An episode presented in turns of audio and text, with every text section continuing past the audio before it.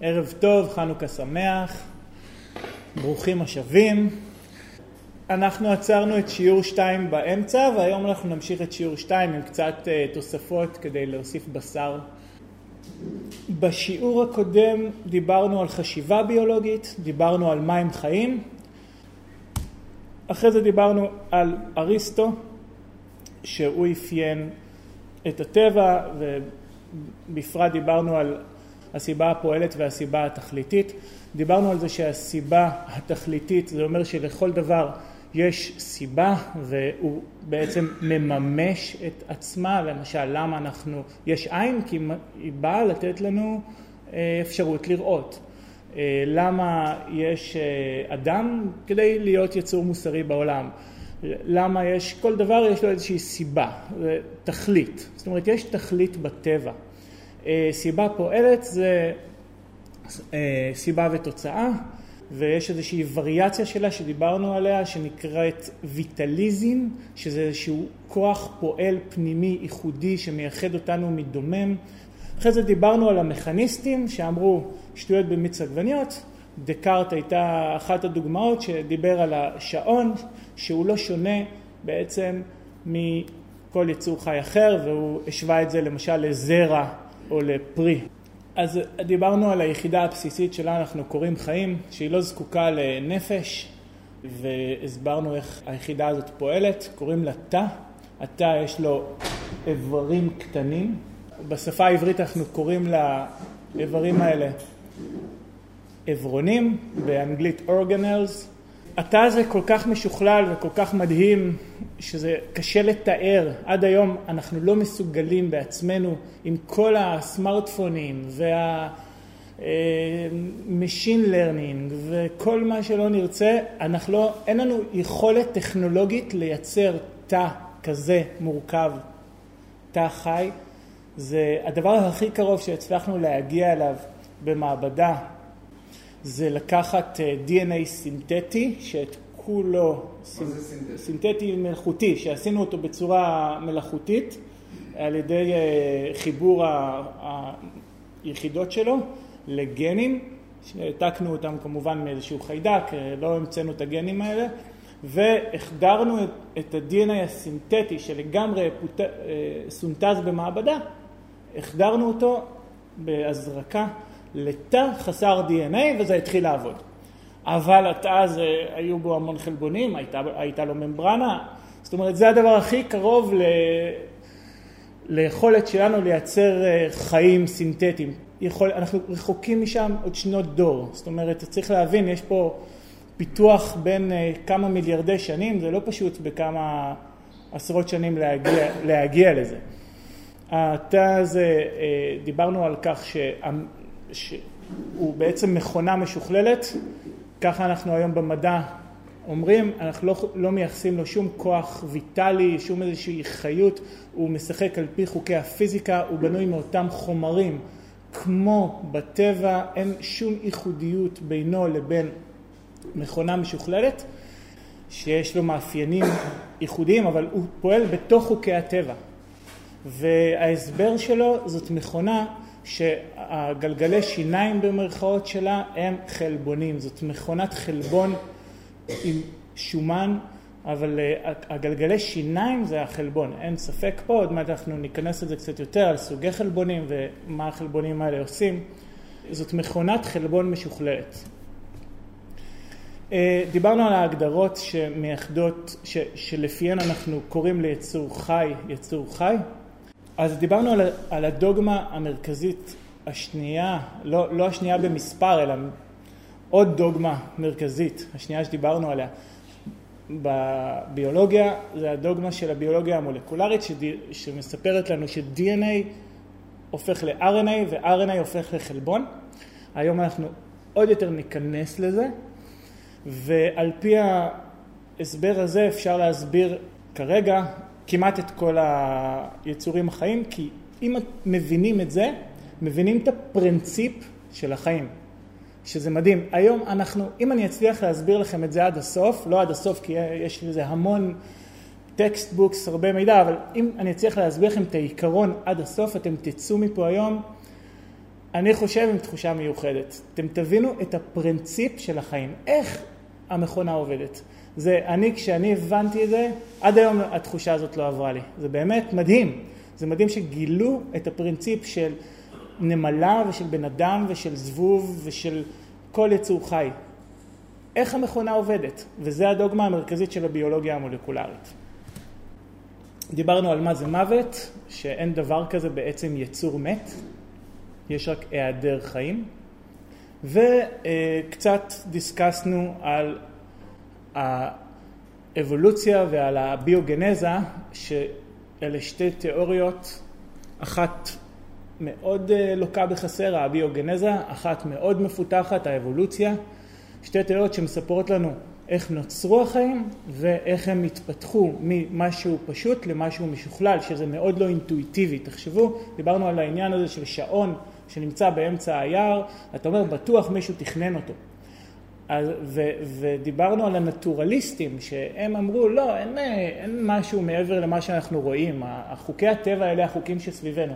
והנטורליסטים האלה היו נורא מסכנים עד שהגיע דרווין ונתן את הפתרון לבעיה, אה, ופיתח את אה, תיאוריית האבולוציה, שהיא תיאוריה מדהימה גם בפשטות שלה, וגם יש לה proof of concept, וזה נקרא אבולוציה במבחנה, שיטה שמי שפיתחה אותה לראשונה, החלוצה בזה, הייתה אישה בשם פרנסיס ארנולד, בחורה אמריקאית, היא הבאה בתור שקיבלה פרס נובל בכימיה אחרי עדה יונת, דרך אגב זה די נדיר שנשים, בסך הכל אם אני לא טועה, שש נשים קיבלו פרס נובל בכימיה, היא פיתחה משהו שנקרא אבולוציה במבחנה, על פי העיקרון של דרווין היא פשוט מפתחת דברים מדהימים, מורכבים, ויש את פרופסור דן תופיק מוויצמן שגם אה, הוא אחד המובילים בעולם בתחום של אבולוציה במבחנה, אנחנו נדבר על אבולוציה במבחנה באחד הקורסים היותר מאוחרים, פיתוחים מדהימים על פי עיקרון האבולוציה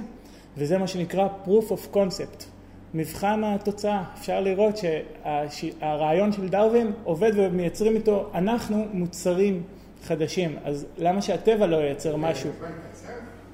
כן, עושים, כי אנחנו בני אדם יודעים לעשות uh, דברים מהר. כן, דרך אגב, אבולוציה יכולה להיות, uh, אנחנו כל הזמן עוברים אבולוציה.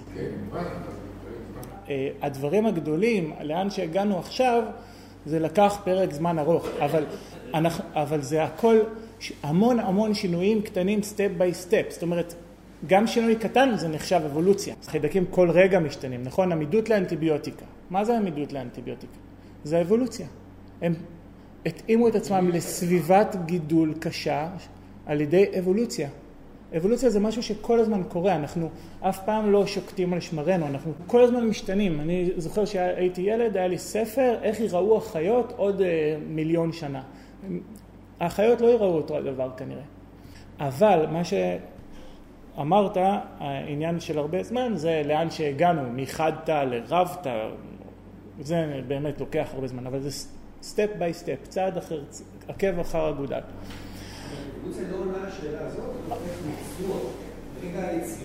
כן, אבולוציה לא עונה על איך החלו החיים. זאת אה, שאלה שדרווין לא כל כך התעסק בה. אותי זה מטריד שזה לא ממש הטריד אותו, שהוא חשב שיפתרו את זה. אה, אבל זה מסתבר מאוד הטריד איך נוצרו החיים, כי הסטטיסטיקאים אמרו לנו שהסיכוי ש, שההתחלה של החיים אפילו תתחיל שואף לאפס, ו, וזה הטריד מלא אנשים, הנקודה הזאת הראשונה, הביוגנזה, איך נוצרו החיים. אמרנו שהביוגנזה זה מושג שאול, זה שאול מאיזושהי אמונה מדעית אמונה מדעית, פעם היו דברים כאלה, שיש בריאה ספונטנית. אתם זוכרים שנתתי לכם את הדוגמה של האסם, שאם תסגור אותו אה, באופן ספונטני ייווצרו בו עכברים. המושג הזה נשאל משם והפך להיות תחום במדע שמטרתו היא להראות שזה אפשרי שייווצרו חיים באופן ספונטני. אחד החלוצים בתחום היה אופרין, שכינו אותו דרווין של המאה העשרים. והוא העלה השערה שגם חומר אנאורגני, זאת אומרת לא שמקורו חי, יכול להפוך לחומר אורגני, זאת אומרת זה חומר, מה זה אורגני? אורגני זה מהמילה אורגניזמים. הוא דיבר על זה שגם חומרים לא אורגניים, זאת אומרת שמקורם לא בחיים, יכולים להפוך להיות חומרים אורגניים, זאת אומרת חומרים ששייכים ליצורים חיים. מי שהוכיח את, ה, את התיאוריה שלו היו שניים שקראו להם מילר ויורי, זה ניסוי מפורסם של מילר ויורי שהראו שעל ידי חיקוי של מה שהם חשבו תנאי כדור הארץ מלפני כמה מיליארדי שנה, אפשר לייצר מולקולות אורגניות שהן אבני הבניין של האורגניזמים. והמולקולות שנוצרו בניסוי שלהם היו חומצות אמינו. מה זה חומצות אמינו? חומצות אמינו זה מה שמרכיב, זה אבני הבניין של החלבונים. מאוחר יותר הצליחו לייצר גם את אבני הבניין של החומצות גרעין, של ה-RNA ושל ה-DNA באופן ספונטני, וזה הראה שעכשיו מה שצריך זה רק צירוף מקרים של כל החומרים האלה, פלוס חומר שומני שיקיף אותם, ממברנה, ליצירת החיים. והגיעו מטאוריטים לכדור הארץ שמצאו גם בתוכם חומצות אמינו ואפילו שתי אבני בניין של RNA, שזה דבר מאוד מעניין, זאת אומרת גם בחלל יכולות להיווצר מולקולות אורגניות. איך מהמולקולות, האבני בניין של החיים, נוצרו החיים, מדברים על עולם ה-RNA. עולם ה-RNA, אני אסביר אותו עוד קצת אחרי זה, אבל נתחיל מחלבון. אז כשאנחנו אומרים חלבון, אנחנו בדרך כלל חושבים על זה, נכון? אבל כשביולוגים אומרים חלבון, זה לא דגים ולא בשר ולא גבינה ולא ביצים, זה נראה ככה יותר. זה חלבון. וזה לא חלבון אחד, זה כל מיני חלבונים. אלה גלגלי השיניים של המכונה שלנו. יש למשל חלבוני מבנה, אתם רואים? החלבון הזה זה החוט של כור העכביש. חלבוני שלד, אתם רואים פה, צבועים בתוך התא. החלבונים שבונים את, מאפשרים לתא מבנה תלת-ממדי מסוים, זה חלבונים. יש חלבונים שפשוט קשורים לשלד התוך-תאי.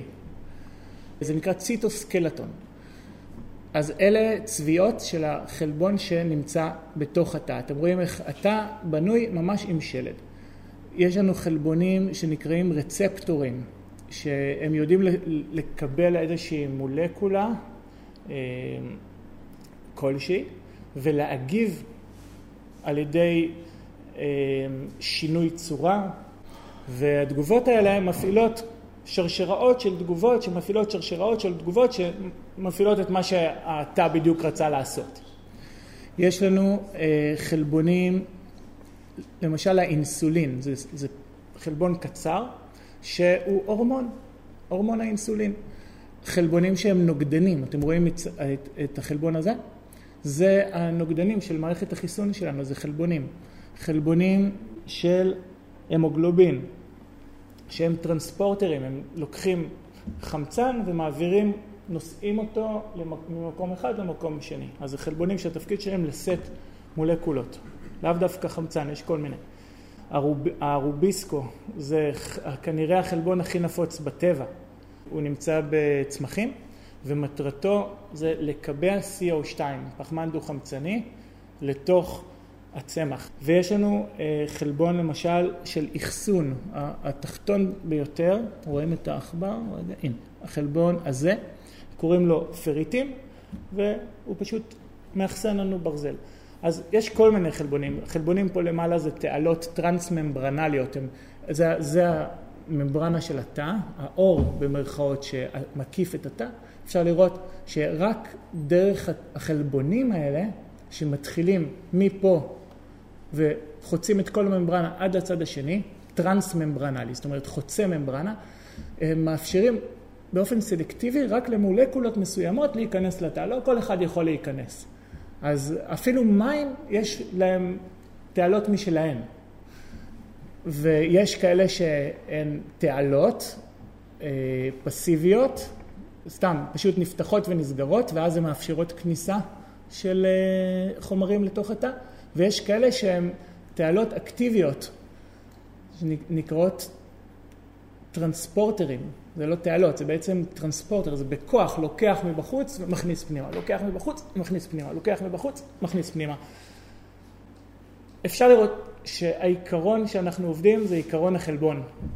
אני רוצה להראות לכם, הממברנה עצמה לא, זה ליפידים. ליפידים זה שומן. או אם נדייק זה פוספוליפידים, זה ליפידים עם פוספט בקצה. אנחנו עכשיו נסתכל על החלבון שאותי הכי מרגש. במקרה מי שלקחתי ממנו את הסרטון הוא קריאשניסט, הוא בריאתן, הוא מנסה להראות שכזה חלבון מדהים לא יכול להיות באופן ספונטני על ידי האבולוציה. אז תתעלמו מהקריאשניסט, רק תסתכלו על החלבון, הוא לא סתם בחר אותו. זה נקרא חלקיק F. אומרים שהאדם המציא את הגלגל, אז לא. הטבע המציא את הגלגל. הוא חלבון מסתובב על ציר כמו גלגל, שיודע לקחת אה, מולקולות עם אנרגיה נמוכה ולהפוך אותן לאנרגיה גבוהה. אה, הוא בעצם החלבון שנותן לנו את כל האנרגיה לחיים. בלעדיו אה, לא היינו יכולים להיות רב-תאיים, יצורים רב-תאיים, כי לא היה לנו מספיק אנרגיה להתקיים. יש לו איזשהו, איזושהי תעלה שדרכה זורמים פרוטונים, זה מימנים, והזרימה הזאת גורמת לו לסיבוב כמו מכונת קמח, אוקיי? תחנת קמח לסיבוב, והסיבוב הזה למעלה עושה איזשהו אה, אה, שינוי מבני למעלה אה, של פתיחה וסגירה, זה לא בדיוק ככה כמו שאני מתאר, אבל בשביל לצורך הנוחות, שכמו צבת לוחצת מולקולות בלי אנרגיה והופכת אותן להיות מולקולות אנרגטיות. מולקולות עם אנרגיה נמוכה, בום, אנרגיה גבוהה, אנרגיה נמוכה, בום, וככה הוא מייצר לנו מולקולות עתירות אנרגיה שקוראים להן ATP. ATP זה הכוח שלנו לחיות. בלי ATP אנחנו לא יכולים לזוז. אנחנו, אנחנו נשאר חיידקים, צריך אנרגיה מאוד נמוכה אה, בשביל להיות חיידק, אבל אנרגיה מאוד גבוהה כדי להיות רב תא, כמונו. עכשיו, דיברנו על החלבונים, שהם יחידות הפונקציונליות שמאפשרות לנו את כל החיים. בואו נדבר על חומרי הגלם שלנו, כדי להבין איך הדוגמה המרכזית של הביולוגיה המולקולרית עובדת. איך התיאוריה של מ-DNA ל-RNA לחלבון עובדת. אם אה, בניין עשוי ממלט, אז אנחנו עשויים משומן, שזה המעטפת של, התאים, של התאים, אם אתם זוכרים שדיברנו על זה, ואנחנו עשויים מחלבונים, החלבונים עשויים מחומצות אמינו, אלה אבני הבניין של החלבון, כל מיני שילובים בין חומצות אמינו בונים לנו חלבון. ואמרנו שליצירת החלבון אנחנו נדרשים ל-DNA ו-RNA, שהם עשויים מחומר שנקרא נוקלאוטיד. נוקלאוטיד זה מבנה סוכרי, שעליו מולבש שייר, איזושהי תוספת של מולקולה שנותנת לו את השם. למשל, יש לנו A שזה אדנין, T שזה טימין, C שזה ציטוזין ו-G שזה גואנין. אפשר לראות, השלד הסוכרי הוא זהה, מה שמשתנה זה השייר. DNA עשוי מאותיות A, T, G, C, A, A, A, G, C נגיד ו-G. נקרא לרצף הזה גן. כי מגן נוצר חלבון. ככה בנוי הרצף ה-DNA. ובצד השני יש רצף משלים. ה-DNA אוהב להיות בשני גדילים. יש לנו את הגדיל העליון, שמחובר בקשרים חלשים יחסית לגדיל DNA תחתון. אתם יכולים לראות שזה ה-double strand באנגלית, הגדיל הכפול של ה-DNA. זה לא מולקולה אחת, אלא זה שתי מולקולות שצמודות אחת לשנייה בקשרים שקוראים להם קשרי מימן. אבל זה לא כל כך אה, עקרוני. מה שחשוב להבין שהקשרים האלה חלשים, אפשר לפרום את ה-DNA, את שני הגדילים, לפתוח אותם, ואז להעתיק מהם את ה-RNA. אחרי זה מגיע הריבוזום, מתלבש על ה-RNA ויוצר לנו חלבון. איזה חלבון? כל חלבון. בין היתר את החלבון שיודע להעתיק את ה-DNA ל-RNA, שאמרנו שקוראים לו RNA פולימרז, ובין היתר את האנזים שיודע להעתיק DNA ל-DNA, וככה לאפשר לנו להוליד צאצאים, שזה ה-DNA פולימרז. זה בגדול הרעיון של, של איך עובדת המכונה שלנו. אני אצייר את זה על הלוח. אוקיי, אלה השחקנים המרכזיים בכל הסיפור. יש לנו את ה-DNA, יש לנו את ה-DNA פולימרז שהוא אנזים חלבוני. הרצף הזה הוא גן. איך מהגן הזה אנחנו יוצרים חלבון? אז בואו נראה. דיברנו על החומרי גלם, אז אני עכשיו מתחיל להכניס את השמות. כל שלושה נוקלאוטידים, שאלה אבני הבניין של ה-DNA, מקודדים לחומצה אמינית. הם יודעים לקרוא לחומצה אמינית. מה זה חומצה אמינית? אתם זוכרים? חומצה אמינית זה אבני בניין של החלבון. זאת אומרת, אבני הבניין של ה-DNA, הנוקלאוטידים, בשל... בסידור המיוחד של השלשות, יודעים לקרוא לאבני הבניין של החלבון. בואו, כתוב פה, יש פה גן שאומר, תייצר לי את האנזים הזה, תייצר לי את האנזים הזה, תייצר לי נוגדן, תייצר לי את המבנה של השלד התוך-תאי, תייצר לי, הכל כתוב כאן על הגנים ב-DNA. עכשיו, איך הם עושים את זה? על ידי אנזים שנקרא RNA פולימרז. RNA פולימרז מתיישב על רצף ה-DNA ופולט לנו החוצה מולקולה שנקראת mRNA. mRNA. messenger RNA. איך, הוא, איך, ממה הרצף אה, של ה messenger RNA הזה עשוי?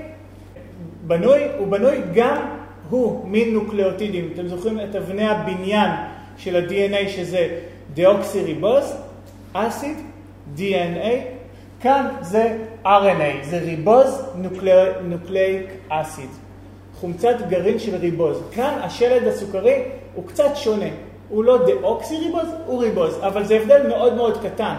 בגדול mRNA ו-DNA, DNA ו-RNA מאוד מאוד דומים, אבל ה-RNA יש לו תפקיד אחר. הוא mRNA, הוא RNA שליח, יש לו שליחות. ה-RNA פולימרז העתיק את ה-RNA הזה לפי הרצף שכתוב על ה-DNA, ה-RNA הזה יוצא החוצה מגרעין התא לאזור התא, ושמה מתלבש עליו חלבון מוזר מאוד. למה הוא מוזר? כי הוא חלבון שמשורבט בתוכו גם RNA. חלבון ו-RNA ביחד. החלבון הזה נקרא ריבוזום. למה אנחנו מכירים אותו כל כך טוב? כי בישראל בחורה בשם עדה יונת זכתה בפרס נובל על כך שהיא הצליחה להבין איך הריבוזום הזה בנוי. זה, זה תחום שונה לחלוטין ממה שאני מתעסק, זה נקרא ביולוגיה מבנית. היא ניסתה להבין את המבנה של הריבוזום והיא הצליחה, ועל זה היא קיבלה פרס נובל, כי ריבוזום הוא חלבון הכי חשוב, לא הכי חשוב, אבל ממש חלבון מפתח בכל התהליך הזה של המכונה החלבונית. למה? כי הוא יודע להגיע ל-mRNA, להתלבש עליו, יש לו שתי תת יחידות, תת יחידה קטנה ותת יחידה גדולה, ועכשיו הוא יודע לקרוא את מה שכתוב על ה-mRNA, שזה תעתיק ממה שכתוב על ה-DNA, הוא יודע לקרוא את הרצף הזה, ועל פי מה שכתוב על ה-RNA, נמצא צבע אחר, הוא מלחים את חומצות האמינו, שחומצות האמינו זה אבני הבניין של החלבון. כתוב כאן להביא חומצת אמינו X, אני לא אכניס אתכם, לא אעלה אתכם בשמות, אז היא תגיע, החומצה הזאת. אה, הוא, כתוב פה להביא חומצה נוספת, הוא יביא עוד חומצה. כתוב פה, הוא רץ, הוא ככה רץ על ה-mRNA, רץ, רץ, רץ, רץ, קורא, ופשוט מתחיל להוציא, לחבר את חומצות האמינו, שמהן יצא בסופו של דבר חלבון. החלבון הזה, שיקודד, לתהליך הזה קוראים תרגום, שיתורגם על ידי הריבוזום, תהיה פונקציה כלשהי בתא. הוא יכול להיות חלבון מבני, הוא יכול להיות חלבון אה, נוגדן כנגד אה, רעל בגוף, הוא יכול להיות חלבונים שקשורים להמוגלובין, הוא יכול להיות כל מיני חלבונים. בין היתר, הוא יכול להיות גם הריבוזום, הוא יכול להיות גם ה-RNA פולימרז, והוא יכול להיות עוד חלבון שנקרא DNA פולימרז. שה-DNA פולימרז הוא מגיע ל-DNA, אבל הוא לא מייצר ממנו חלבון, הוא מייצר ממנו עוד DNA. הוא מכפיל את ה-DNA מאחד לשניים, וכך הוא מאפשר את חלוקת התאים ואת הרבייה שלנו וה... והמעבר לדור הבא. שאלה אחרת. כן. אין הסתעפויות, מפני שצריך ב-DNA להיות כתוב גם, אם יש, איפה להסתעף? הסתעפויות, לא הבנתי מה... תיארת את זה כשרשרת. אה, הסתעפויות פה? כן. אין הסתעפויות. יש קיפולים שונים, יש חלבונים שיודעים גם לקפל חלבונים אחרים, יש חלבונים שיודעים לקחת כל מיני תת יחידות של חלבונים אה, שנוצרו בנפרד ולאחד אותם לחלבון עוד יותר מורכב. יש המון המון... כן, אבל זה לא, לא כתוב ב-DNA, זה כבר בתכונות של החלבון. נכון, זה תכונות של חלבון שהם מעגן, שגורם להם להיות בעלי התכונות האלה. זאת אומרת, התכונות כתובות ב-DNA. חומרי הגלם וכל הכאלה זה פשוט צפים להם שם בחלל של הגרעין, של התא. אה, כן, חומרי הגלם צפים להם בציטופלזמה, בגרעין, והם כל הזמן, הם בעודף, הם מתחרים שם כל הזמן על האתרים, כן. מאיפה מגיעים? מהאוכל שלך. זהו, בסוף זה צריך להגיע מחוץ לתא. מהדגים, מה אנחנו צריכים בדגים ובבשר? אנחנו לא צריכים את החלבון עצמו של הדג והבשר, אנחנו צריכים את חומרי הגלם של החלבון, את חומצות האמינו, שאחרי זה הן יהיו חופשיות בתא, ואנחנו נרכיב את החלבונים שאנחנו רוצים, לא את החלבונים של הדג. זה מתרחש גם בצומח, זה מתרחש בכל יצור חי גם בטבע. זה מתרחש, אנחנו וצמחים אותו פרינציפ בדיוק, אנחנו ופטריות, אנחנו וחיידקים, אותו פרינציפ בדיוק. DNA, RNA, חלבון. אז מה, מה, מה ייחודו של האדם בעצם, אה, אם הכל פועל לפי האבולוציה והכל דוג, פועל לפי הדוגמה המרכזית של הביולוגיה המולקולרית, ה-DNA, ה-DNA הופך ל-RNA, הופך לחלבון, גם אצל זבוב, גם אצל נמלה. עכשיו בואו בוא ננסה לחשוב אם באמת יש בנו משהו מיוחד. יש, יש בנו משהו מיוחד לדעתכם? מחשבה. נכון, יש בנו איזה משהו, נכון? יש לנו, אז מותר האדם מהבהמה? בואו נחשוב רגע. האם אנחנו היצור היחידי שיש לו משהו מיוחד? בואו קודם כל נתחיל עם הבסיס. לנו יש רגליים, לעטלף יש רגליים, נכון? לנו יש ידיים, לעטלף יש ידיים. אנחנו יונקים, העטלף יונק. אנחנו רעבים, הוא רעב. אנחנו שומעים, הוא שומע. אנחנו רואים, הוא רואה. אנחנו רוצים להזדווג, הוא רוצה להזדווג. אנחנו צריכים לשירותים, הוא צריך... זאת אומרת, בהחלט אנחנו... עושה רושם שאנחנו חיה. אז האם יש בנו משהו מיוחד? כן, אנחנו חכמים. אבל גם לעטלף יש משהו מיוחד. הסונאר. הסונאר. סונאר זה יכולת לקבל תמונת עולם שהיא בכלל לא נתפסת אצלנו בראש. אין לנו יכולת לקלוט את העולם על ידי שיגור אות וקבלתו. הם מסוגלים לקלוט עולם ומלואו על ידי שיגור צליל וקליטה שלו. הם מקבלים תמונה של המציאות. זו תמונה שלא קיימת אצלנו ביכולת הקוגניטיבית. זה ייחוד שאין לנו, הוא מיוחד, אנחנו מיוחדים. זה לא מיוחד שלכל אחד יש משהו מיוחד. הדבר היחיד שמייחד אותנו מכל יצור אחר הוא בסך הכל הרצף הגנטי שלנו. אה? את מכירה את הבדיחה עם העכברה, עם, ה... עם העכברה שהכירה לבת שלה עטלף והיא אמרה, אמא, אבל הוא נורא נורא מכוער, אז הוא אמר, מכוער מכוער, אבל טייס. מה? אנחנו יושבים כולנו פה, כן, אנחנו מנסים להבין איך העסק הזה פועל. כן. ספק אם העטלף הוא בעל חי אחר. יש בזה מקום בעולם יצורים ש... שמתכנסים ומנסים להבין בכלל, בכלל, בוא, תחשוב על מה שאמרת, זה עוד יותר מדהים. תחשבו למשל על חקר המוח. מה, מי חוקר את המוח? המוח. זו מכונה שחוקרת את עצמה. אז זה נכון מה שאתה אומר, לא יש מורה, אבל הוא לא חוקר, אבל, אבל מה בדיוק אמרו כאן קודם? יש לו סונאר, זה משהו ייחודי. למה? מאוד ייחודי. לא, לא, אומנם יש עוד יצורים עם סונאר, אבל זו תכונה שאין לנו. לא, לא יש תכונה שאין לנו. למעשה, אם אתה לוקח לא- האבולוציה כמדד, אנחנו לא כאלה מוצלחים, יש כאלה שהרבה יותר מוצלחים מאיתנו. ונגדיל ונ- ונאמר שכמעט כל הפיתוחים שלנו הם פיצוי על חסרונות שלנו, כי נשר לא צריך מטוס וגם לא צריך מזגן. אנחנו עירומים ואין לנו כנפיים, אז אנחנו ממציאים בגדים, ממציאים, זאת אומרת, הטכנולוגיות אה, מדגישות הרבה פעמים את החסרונות שלנו. טוב, אה, אני חושב שנסיים פה. מה? אוקיי, חבר'ה, תודה רבה על ההקשבה.